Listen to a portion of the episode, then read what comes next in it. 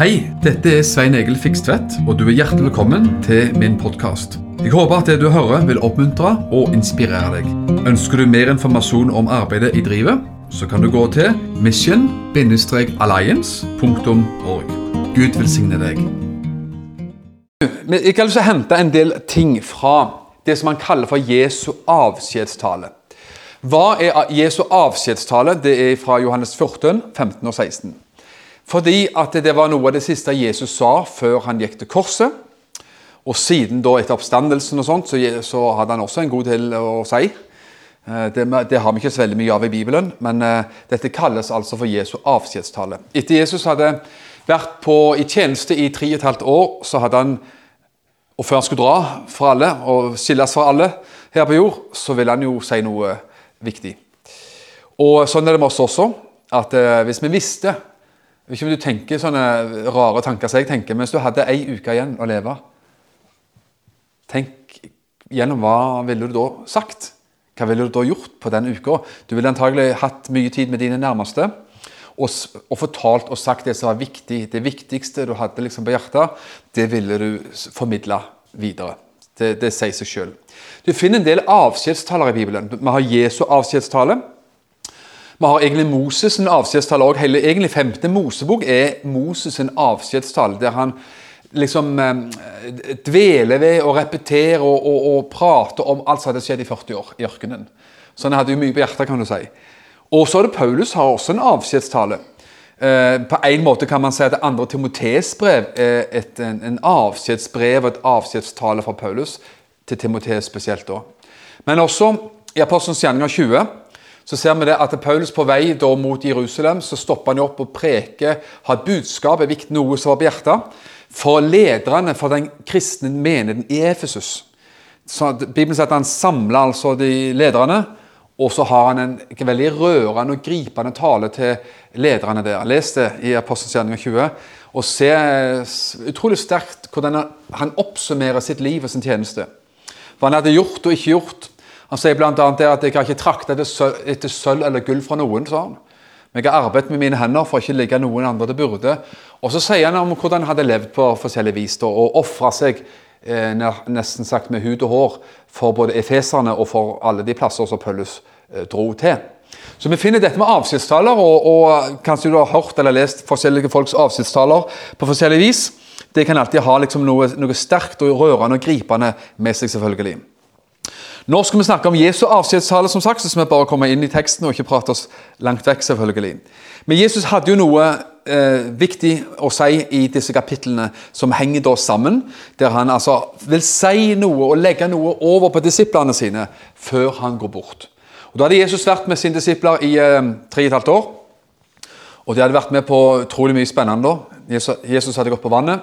Han hadde metta 5000, eh, og han hadde helbreda mennesker, vekt opp døde og gjort utrolige ting.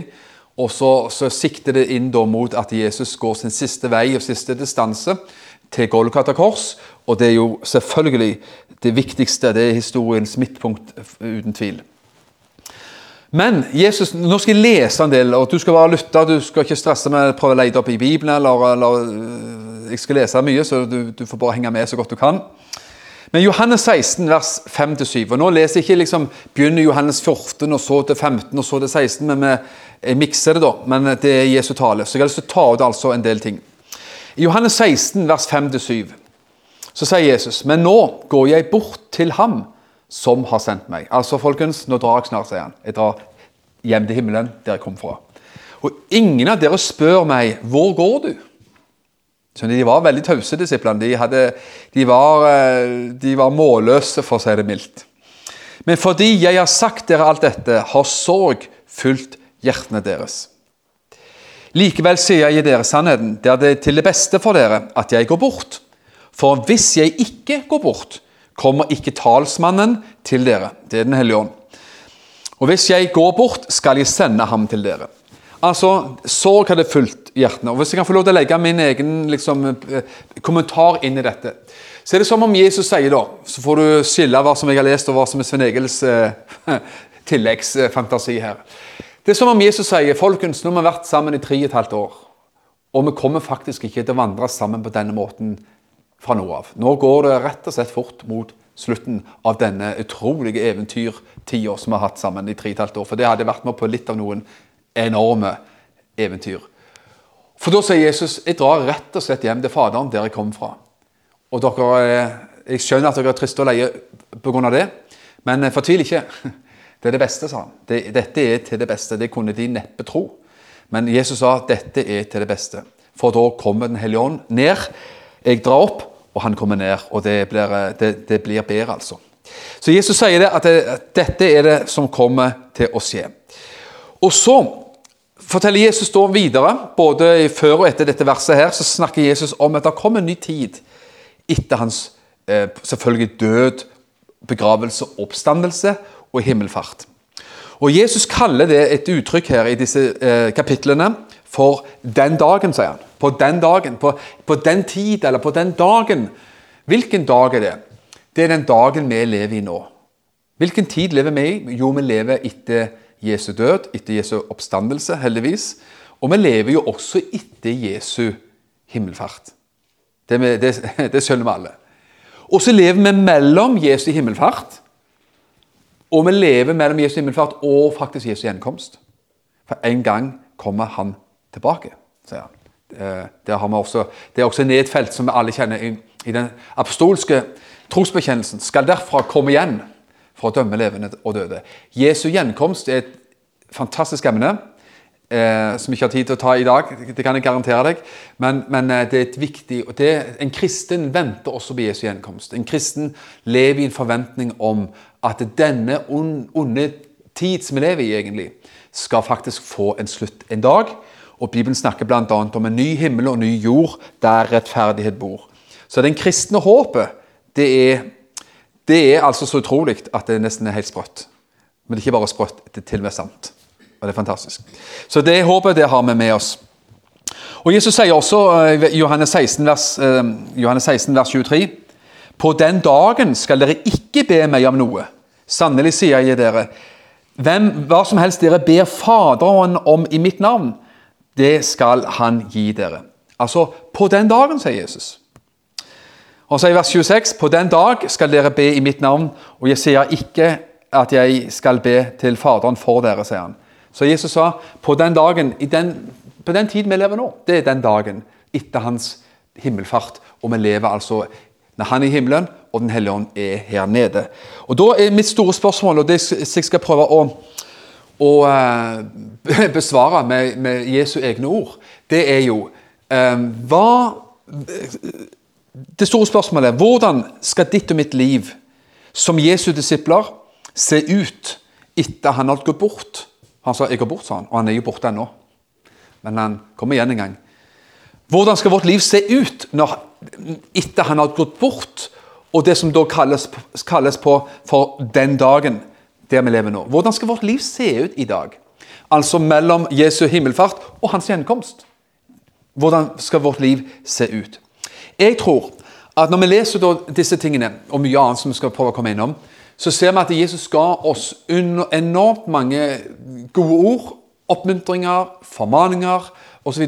for at vi skulle ha en, la oss kalle det en nistepakke med oss i dette livet. Av sannheter som skal følge oss, som skal være på hjertets dyp, som skal gjøre at vi kan få lov til å tjene Han, virke for Han, drive misjon, vente på Hans komme, eh, elske vår nabo og vår neste og gjøre det Han har bedt oss om å gjøre. Hvordan skal ditt mitt liv se ut i 2021, som vi lever i akkurat nå? Ja, det er jo et før og etter koronaen antagelig. Vi, vi merker vi er i ferd med å forlate et, et trist kanskje halvannet år med eh, mange begrensninger. Og så tenker vi hvordan skal det bli nå? Jo, nå går vi tilbake til sånn det var før. Og det gjør man sikkert i Norge og i samfunnet. Men hvordan skal vårt liv se ut mens vi venter på Jesu gjenkomst? Det er, det er spørsmålet. Jesus sa bl.a. det Jesus lovte oss. Han sa jo det etter det himmelen. Og så sa han at jeg skal dere, ikke la dere være for, som foreldreløse. Jeg, dere skal ikke få lov til å være alene. Jeg drar, men det kommer en annen person, og det er Den hellige ånd. Og Da sier Jesus i Johannes 14, vers 16, 'Jeg vil be Faderen', sier han. Jeg drar med andre opp til himmelen. Og 'Han skal gi dere en annen talsmann', Til nå hadde Jesus vært nær dem. De kunne komme til, rent fysisk til Jesus og si Jesus, vi mangler mat. Jesus, vi lurer på ditt og vi lurer på datt. Så sier Jesus ja, men jeg drar snart. Hva da? Jo, det blir bedre. Det blir ikke verre, det blir bedre når Helligånden kommer. For at Han, altså Den hellige ånd, skal bli hos dere til evig tid.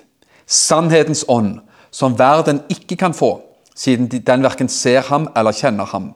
Men dere kjenner ham, for han skal bli hos dere, og dere skal være i dere. Den hellige ånd er hos oss, Den hellige ånd er i oss. Og Når vi sier ofte på møter, og det er jo helt rett Det er to og tre samla i hans navn, der er han midt iblant oss. Så er jo det sant. Han er midt iblant oss i dag. Men på hvilken måte er han midt iblant oss? Han er blant oss med sin ånd. Jesus i, ren, i egen person er ved Faderens høyre hånd. Men ved sin ånd så er han hos oss og med oss og i oss og blant oss her i dag.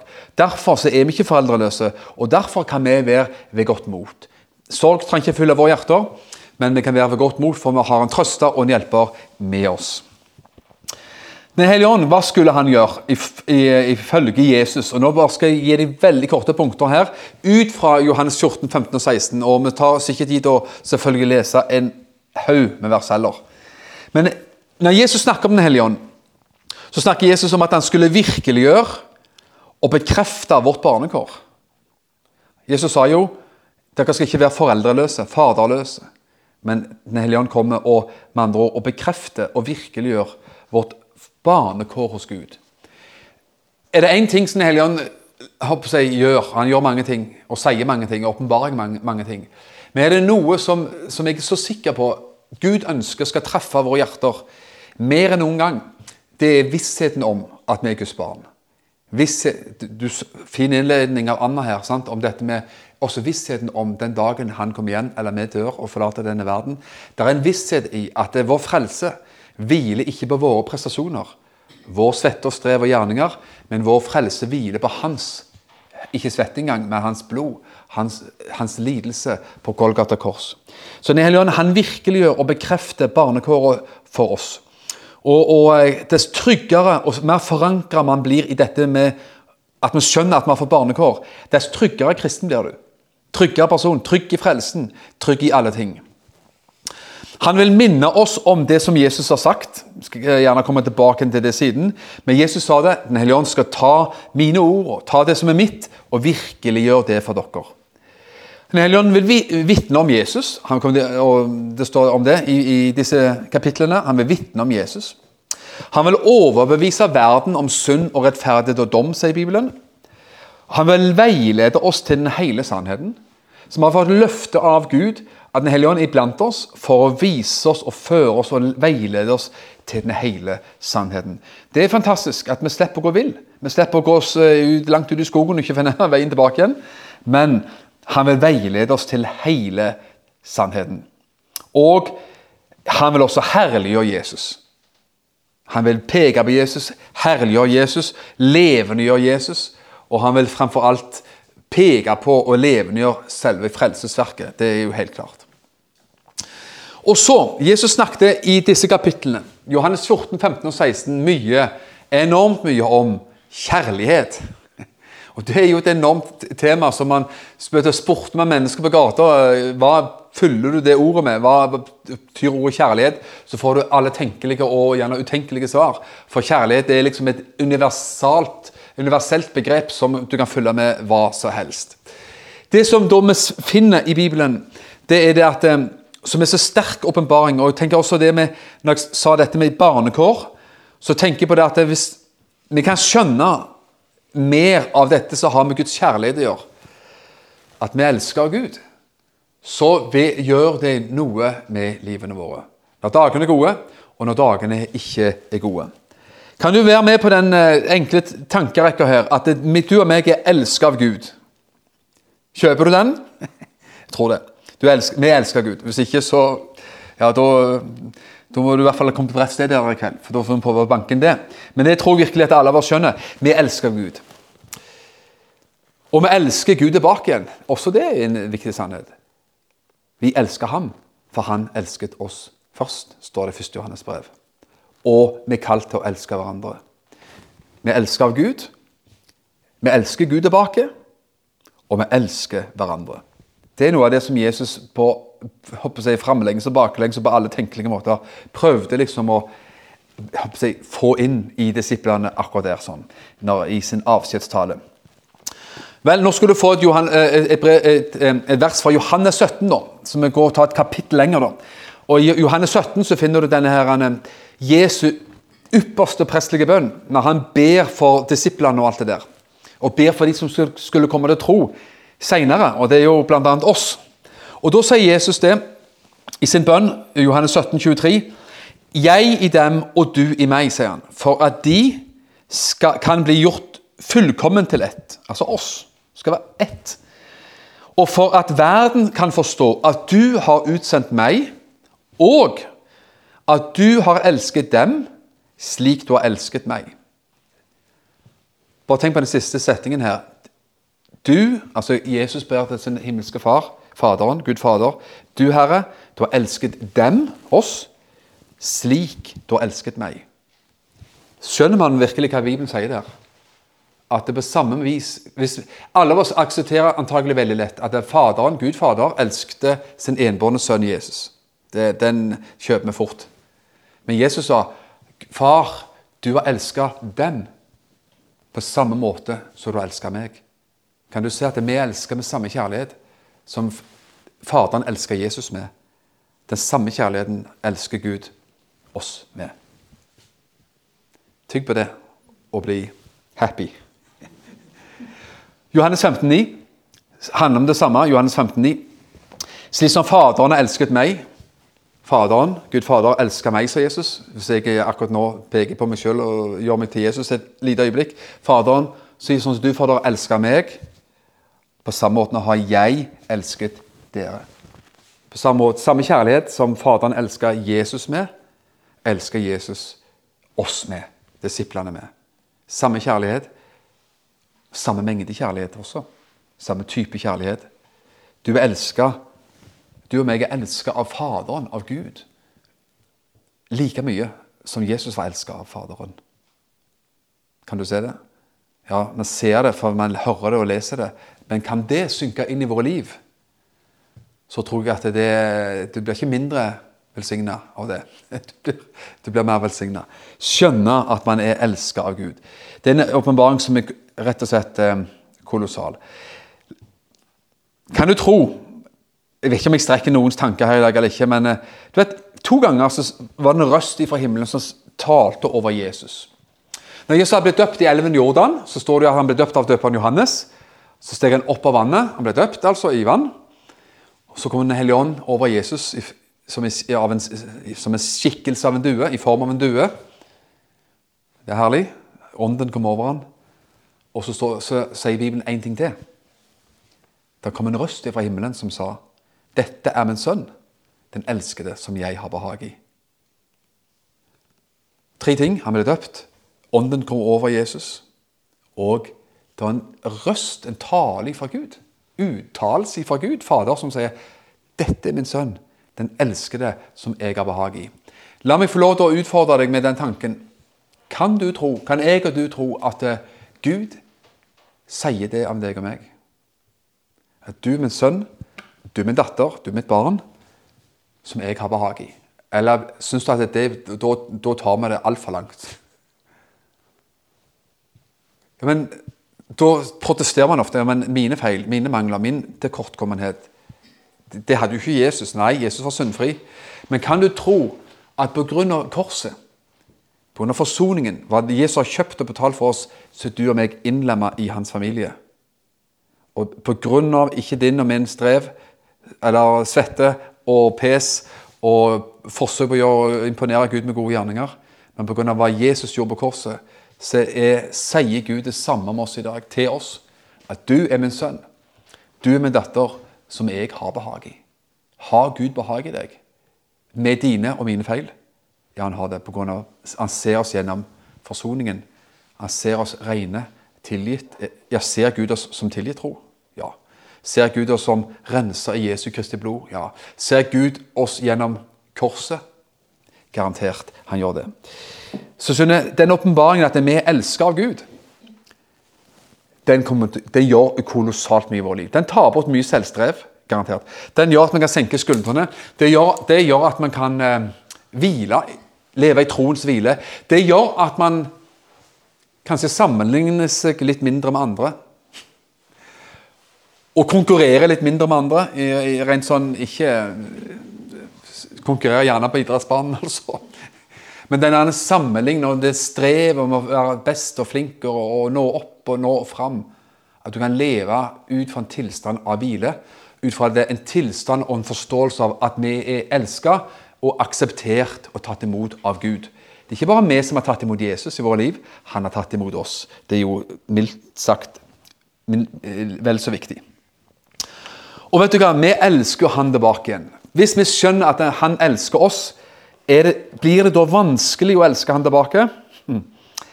Antagelig ikke. 1. Johannes 4,19 sier Da eh, tar vi en liten sving svingom til 1. Johannes brev, altså. 4,19. Vi elsker ham fordi han elsket oss først. Tenk på det. Hvorfor elsker vi Gud? Ja, elsker vi Gud? Er vi kalt å elske Gud? Ja. Men hvorfor, hva, er- grunnlaget for det? det grunnlaget er at har, han har elsket oss først. Og igjen og igjen så snakker Jesus om det. Um, Johannes 14, 15 for eksempel. Hvis dere elsker meg, sa Jesus. Hvis dere elsker meg, så hold mine bud. Igjen og igjen så appellerte Jesus også i disse, denne avskjedstalen at det, folkens, hvis dere virkelig elsker meg, så tro på mitt ord og hold mine bud osv. Og, sånn. og så kjenner vi jo også til denne nærgåenheten til Jesus, da, til Peter etter oppstandelsen. Peter hadde svikta Jesus tre ganger. vet du. Banna på at han ikke kjente Jesus og hadde gjort alle, hele tabbekvoten hadde han brukt, brukt på, på den dagen. liksom. Og så har Jesus en, bra, en, en god prat. Vi kan kalle den kanskje en alvorsprat, men kanskje en mest av alt en forsoningsprat og en uh, gjenopprettelsesprat med Peter. Der etter oppstandelsen, og de hadde spist fisk vet du, og grilla litt og hatt det gøy, så tar Jesus og snakker med Peter og sier tre ganger Peter, elsker du meg mer enn de andre? Så Jesus bora litt i det. Han, han utfordra liksom Pekte liksom rett inn i brystkassen til, til Peter og spør du Peter, elsker du meg til og med mer enn de andre, sa han. Elsker du meg mer enn de andre? Peter var ikke høy i hatten. Han hadde jo han hadde friskt i minne sine store feil og fall og fornektelse av Jesus. Så han var ikke høy på pæra, i hvert fall. det kan jeg si. Så han klarte liksom så vidt å liksom hoste opp og fram at jo da, jeg har deg kjær, sa han. Han klarte ikke å si 'jeg elsker deg' engang. 'Jeg har deg kjær'. Ja, du vet. Men eh, Jesus ga seg ikke, så han sier enda en gang 'elsker du meg', sier han. Elsker du meg? Ja, Peter klarer så vidt å dra fram et ja igjen.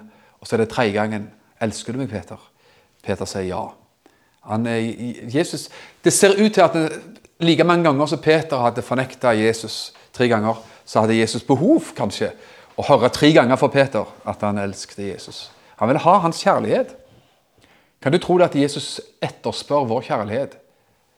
Og det bør ikke gjøre oss fordømt eller eh, deppa, men det bør, vi bør kjenne det bare som et fantastisk privilegium. Sant? Og Hver gang Jesus sa det, eh, spurte Peter elsker du meg, Peter sier ja, så sier Jesus noe fantastisk. Da skal du fø mine lam. Da skal du vokte mine får. Da, skal du, da er du kvalifisert til tjeneste. Da kan, du, da kan du virke for meg. Da kan du, da kan få få lov til å stå på og, og virke i tjeneste. Og vet du Kvalifikasjonen til å tjene Gud er ikke så veldig Gud er ikke kravstor. Han trenger vårt hjerte. Han spør om vårt hjerte. Han spør om hele vårt hjerte. Om han kan få lov til å ha det, eie det.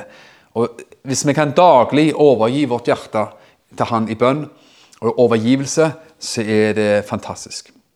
Igjen, vi kalt til å vi elsker Gud, vi elsker Gud tilbake, og vi kalt også i mengdevis står det at vi kalte kalt å elske hverandre. Johannes 15, 12. Dette er mitt bud, at dere skal elske hverandre slik jeg har elsket dere. På samme måte, faktisk. Og tenk igjen det, hvis vi skal bare ta det verset. Så i, i den grad vi skjønner og forstår at vi elsker av Han, og erfarer at vi er elsket av Han, i den grad er vi også virkelig i stand til å elske andre mennesker. Derfor er denne kjærlighetsåpenbaringen altså, den aller største viktighet for ditt og mitt liv. Men det er ikke bare for ditt og mitt liv. Jeg kan ikke, jeg kan ikke elske andre hvis jeg ikke, hvis jeg ikke skjønner og forstår og har opplevd å være elska sjøl. Og sånn er det med hver eneste en av oss. Vi, vi, vi videreformidler den kjærligheten vi selv har fått fra, fra, Gud. Vers 17. Dette befaler jeg dere, at dere skal elske hverandre. Jesus sa en annen ting også. Han uh, går videre liksom, i hans, og tar over disse punktene, da, tar over disse sakene fra hans avskjedstale. Jesus stilte, vil jeg si, personlig garanti for at hans ord skulle bli bevart. Tenk på det. Kan vi være trygge på at vi har hans ord her? Kan vi det? Jeg påstår ja. Vi kan være trygge på at vi har hans ord nettopp her. Hvorfor det? Jo, fordi eh, Johannes 14, 26 sier men talsmannen, Den hellige ånd, som Faderen vil sende i mitt navn, han skal lære dere alle ting. Han skal undervise oss, lære oss og minne dere om alt det jeg har sagt dere.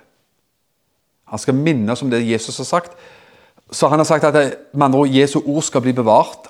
Den hellige skal minne oss, ta det fram, bevare det for oss. Og Derfor kan vi bare ved det tro at Den hellige ånd har vært meget sterkt til stede i Bibelens bevarelse. Det er min påstand. Vers 14, Johannes 16, 14. Han skal herliggjøre meg, og han skal ta av det som er mitt, og forkynne for dere. Så det å elske og virkelig ja, elske Bibelen og ha et personlig forhold til Bibelen, det vil Den hellige ånd virkelig hjelpe oss til å gjøre, og det, det anbefales på det sterkeste. Um, mot slutten så har jeg lyst til å ta fram en ting som Når vi snakker mye om kjærlighet, er du enig i det? Det er grunnlaget. Og, og dette som vi snakket om enda tidligere, om at Den hellige ånd virkeliggjør barnekåret hos Gud. At vi er et Guds barn. Det er hele grunnlaget, og det er grunnmuren. Det er det som holder gjennom alt. altså. Noen av oss kan spørre kanskje på våre breddegrader i Norge når, man møter kristne i andre land som lever i fattigdom, som lever under forfølgelse, så kan man gjerne spørre ja, hvordan kan sånne mennesker tro på Gud i det hele tatt? Hvordan kan sånne mennesker tro, at Gud, tro på en god Gud? Men veldig ofte vil de si hvordan går det an å ikke tro på en god Gud under sånne forhold? Det er jo det de må tro på og vil tro på, og som er livet deres og håpet deres. At Gud er god, og de også har en himmel i vente. En ting til som Jesus faktisk sa, som er, som er veldig viktig, og jeg tenker at det, er, det må vi ikke virkelig unnlate. Vet hva Jesus sa midt i dette kjær, nydelige kjærlighetspreiket til Jesus og alt det vi har snakket om, Helligånda, så hadde Jesus noe annet som han hadde behov for å si, som ikke var så kjempekoselig, men det var viktig.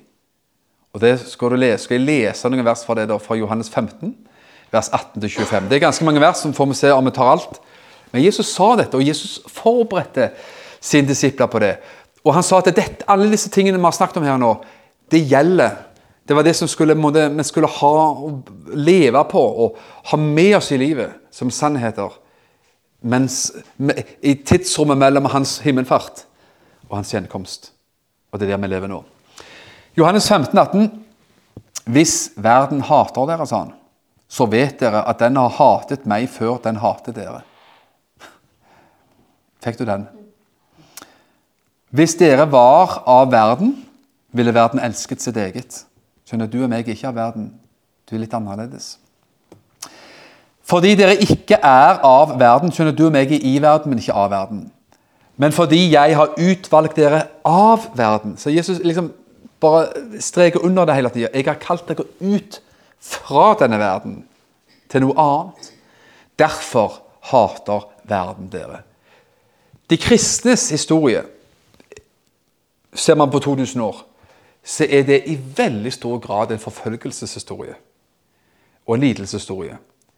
Kombinert med fremgang for evangeliet, kombinert med at menneskeliv har blitt mektig forandra, kombinert med at mange mennesker har opplevd helbredelser osv.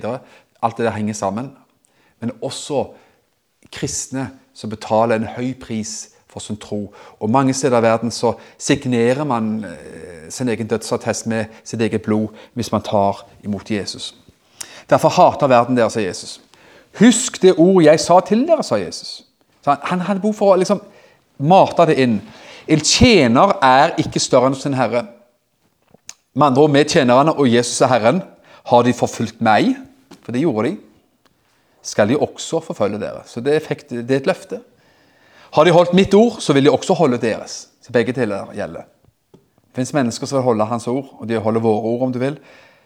Det fins folk som forfulgte Jesus, hata Jesus, vil ha vekk Jesus. Og det gjelder dessverre også, også oss, at mange vil eh, ha kristne vekk. Men alt, vers 21, men alt dette skal dere gjøre, skal de gjøre mot dere, for mitt navns skyld, siden de ikke kjenner ham som har sendt meg. Hadde jeg ikke kommet og talt til dem, ville de ikke hatt synd, men nå har de ingen unnskyldning for sin synd. Den som hater meg, hater også min far, osv. Uh, eh, skal, ikke, skal ikke si så mye mer om det. Men, men uh, Jesus hadde behov for oss å si det midt i det. Og jeg tenker jo det at eh, alle oss er vel enige om at vi i 2021, som vi lever i nå, at verden er på mange måter et eh, Det er flere mørke skyer i horisonten i 2021 enn det det var, syns jeg, i hvert fall for 10-15 år, 20 år siden, f.eks. For I forhold til stormakter som vokser opp som Russland og Kina og Iran, spenning i Midtøsten og er, Vi kan snakke om mange ting. Mange mørke, mørke skyer i horisonten som man kanskje ikke så så klart for en del år tilbake igjen. Men du og meg er ikke kalt til frykte. Også en del ting i Norge vil jeg påstå har gått feil vei i forhold til hva man tror på. I forhold til eh, forståelsen av evangeliet, kristne verdier i samfunnet osv. Det er veldig mange eh, ting som, som, eh, som har gått tapt, og som mer og mer bare viskes vekk. Og kristnes, eh, Forståelsen for de kristne verdiene er ikke blitt større, men blitt mindre i samfunnet vårt. Hva gjør du og meg da? Her står det om verdens hat, forfølgelse osv. Vi håper jo at vi ikke skal oppleve alt det som alle andre opplever på, rundt omkring i verden. Men, men um, vi skal jo aldri si aldri. Mitt opplegg er det at vi skal være frimodige for evangeliet. Trygge i hans kjærlighet og være frimodige for evangeliet. Når vi møter mennesker alle av oss har sikkert møtt Du har nok lest alle av oss har det, lest en historie. Har møtt noen mennesker som har en ekstremt sterk fortelling i livet sitt. Som gjør inntrykk. Jeg husker jeg leste en bok en gang, det var ikke en kristen bok heller, det var, men det var om, om, om dame som vokste opp i fattige kår i Sudan. Som ble uh, eh, kidnappa som ung jente. De, bander uh, brant ned landsbyen. De stjal alle de unge gutter og jenter. Og hun ble solgt som slave levde mange år som slave og ble, han, ble behandla deretter. Liksom en forferdelig fortelling, som likevel er sann. Så er det sånne ting man leser, eller ting man hører, møter, mennesker man møter, som gjør inntrykk på livet. da. Og er det noen som har gjort inntrykk på dette, da, ut fra dette som vi leser her nå, så møtte jeg en mann for ganske mange år siden i India. Jeg eh, underviste på en bibelskole der et par ukers tid. Det var faktisk i 2004, hvis jeg husker rett. Så det er ganske lenge siden det. Og, eh, og der, eh, hos han, eh, pastoren og kirkelederen som jeg bodde hos disse ukene, så hadde han tatt inn i huset sitt en ung mann som hadde tatt imot Jesus, blitt frelst, blitt kristen. Om han kom fra hindubakgrunn eller muslimsk bakgrunn, det vet jeg ikke. Men hans egen familie hadde fått kappa av han ene hånda pga. ingenting annet enn at han hadde tatt imot Jesus som sin herre og sin frelser. Og pluss også vansira fjeset litt med, med syre, så han hadde fått litt skader i, i, fjeset. Bare fordi han hadde tatt imot Jesus. Og Sånne ting har vi hørt om og lest om, sikkert alle av oss. Men så kommer det ekstra nær når du har møtt man møter sånne mennesker og sånne skjebner, så kommer det så mye, mye mer nær. Og vet du hva? Ingen av oss er lovt et liv på, som, dans, som, en dans på roser og beskyttelse fra alt mellom himmel og jord. Vi lever i noen verden, og som kristne, som vil stå for evangeliet, stå for Guds ord og være formodige, så lever man også ved det under et spesielt trykk fra denne verdens ånd og denne verdens vesen. Det er faktisk noe av det Jesus snakker om her skal du få. Skal ikke vi skal ikke lage mer deppestemning enn det vi har gjort. altså. Men hør, alltid, når, når, vi leser om alt fra kjærlighet At Gud elsker oss. Barnekår til forfølgelse, som har tatt hele spekteret. Så sier Jesus bl.a. dette her i Johannes 16, vers 1-4. Alt dette, sier han, har jeg talt til dere for at dere ikke skal ta anstøt. Altså Alt jeg preker om nå, sier Jesus, alle de momentene og poengene som Jesus hadde behov for å si på slutten av sitt liv og sin tjeneste, sier han jeg har sagt dette for at dere ikke skal ta anstøt. Ordet anstøt er gjerne et, sånn et ord du ikke akkurat bruker så veldig mye. Andre oversettelser sier for at dere ikke skal bli ført til fall. Jeg sier dette for at dere ikke skal bli ført til fall. Dere skal ikke falle fra eller falle, opp, falle i bakken. En annen oversettelse sier jeg har sagt alt dette for at dere ikke skal snuble. Alt dette forberedte Jesus oss på for at vi ikke skulle snuble underveis, men få lov til å være forberedt og sterke. Da jeg kom inn her i dag, så var det nydelig å kjenne peisvarme. vet du. Det, er effektivt å, varme opp et et eh, lokale på full fart. sant? Herlig opplevelse. Du vet, Ingen av oss kan hindre at uh, mørket kommer. Er hver kveld, uh, kveld etter kveld så ser vi at det blir litt mørkere. Litt mørkere på morgenen. I november vet du, så er det vegmørkt. Halve dagen nesten. Og i desember er det enda verre. Men da er det jul, så da har vi noe å se fram til her i livet. Du vet, ingen av, Vi kan ikke hindre at mørket kommer i november og desember. Det er du enig i? Vi kan ikke hindre at kulden kommer. Men vi kan, vi, vi, det vi kan gjøre, det er bare å passe på at vi har nok ved og tjukke nok klær. Og Sånn er det også rent åndelig. Vi kan ikke hindre at ting og tang kan komme, men vi kan være forberedt. Vi kan passe på at vi har nok ved i ovnen, nok varme, nok lys. Vi er forberedt på det som kommer. Og det, er, det, var det Jesus sa. Jeg sier det for at dere ikke skal ta anstøt. Mot slutten her, og dette er siste vers, eh, tror jeg faktisk Johannes 16, 33. Etter Jesus' sin endte tale, der han også har med dette alt fra som sagt, kjærlighet til forfølgelse Alt dette, sa Jesus, alt dette har jeg talt til dere for at dere skal ha fred i meg for at dere skal ha fred i meg. I verden skal dere ha trengsel, men vær ved godt mot. Kan man hilse mot slutten her med, med, godt mot? For Jesus var jo sann. Jesus var veldig sånn realistisk. Han var, prøvde ikke å dekke over ting og være, liksom, komme med falske valgkampløfter. Han sa sannheten sånn som han var. Vær ved godt mot, sa han. Jeg har seiret over verden. Med andre ord, alt jeg har prekt om nå, sa Jesus, hele min tale, sa Jesus, alt jeg har sagt, har jeg sagt for at dere skal ha fred. Vi skal ha fred i Han. Og så sa han også, midt i det at vi skal ha fred, så sa han også i verden har dere trengsel. I verden så er det trengsel, motgang, motstand, forfølgelse muligens. Men vær ved godt mot. Vær ved godt mot. Jeg har seiret over verden. Vi trenger å være formodige venner. Vi trenger å være formodige på evangeliet. Vi trenger å være formodige på det vi tror på. Vi skal ikke, ingen skal få lov å putte de kristne i skapet og lukke igjen og låst og svelge nøkkelen etterpå. Du og meg passer ikke inn i skapet. Du passer, passer, å være på arenaen. Du passer å være der ute med evangeliet. Med et annerledes liv. Med frimodighet for evangeliet. Elske mennesker, preke evangeliet, stå for evangeliet, leve annerledes livet ja, faktisk også leve et motstrømsliv. Motstrømsliv. Det er bare død fisk som reker med strømmen, vet du. Levende fisk jeg, svømmer motstrøms. Det er jo bare sånn det, vet du. Og du kalte være en sånn sprell, levende laks.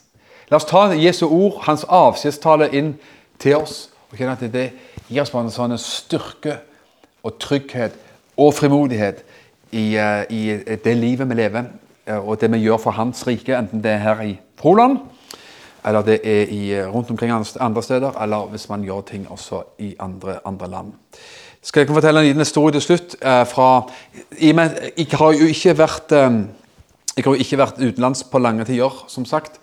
Men jeg har fått lov til å være med og bygge kirker i Burkina Faso. Og det har vært veldig givende. altså Sendt penger da, og støtta på den måten der. sånn. Og, ehm, og, eh, Der var det en landsby som heter Sinkone. Eller en by, landsby som heter Sinkone.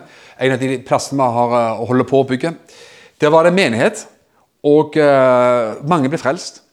Og faktisk ble, Når mange blir frelst, så er det alltid noen som får panikk og blir rasende. Så de ødela menigheten, de brant opp kirka og raserte og jakte pastoren rett og slett ut av landsbyen. Så skjer det at, eh, at en del av den mobben og de som holdt på med den forfølgelsen, en del av de rett og slett bare døde. Og de fikk litt panikk på det. Det var, jeg tror, var det 17 stykk tro som, som døde. Som, eh, som, eh, og, da, og, da, tenkte de at dette her, her trenger vi å omvendes. faktisk. Det ble alvorlig for dem. Så de gikk faktisk da, ikke de som døde.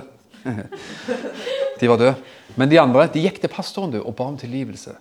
Og nød han til å komme tilbake til landsbyen. Og nå er vi med å få lov til å være med å bygge opp eh, kirka. Eh, blant annet den kirka der, faktisk.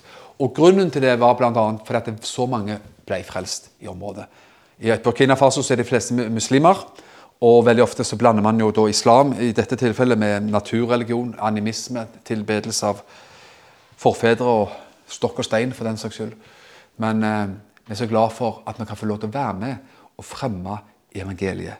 Hvordan skal vårt liv se ut mens vi venter på Hans komme? Mens vi venter på Han, hva gjør vi da? Ja, Du lever et normalt liv, du handler i butikken og du lever et normalt liv om du vil. Men vi tjener Han også. Takk for at du har lytta til denne podkasten. Jeg ønsker deg en velsigna god dag.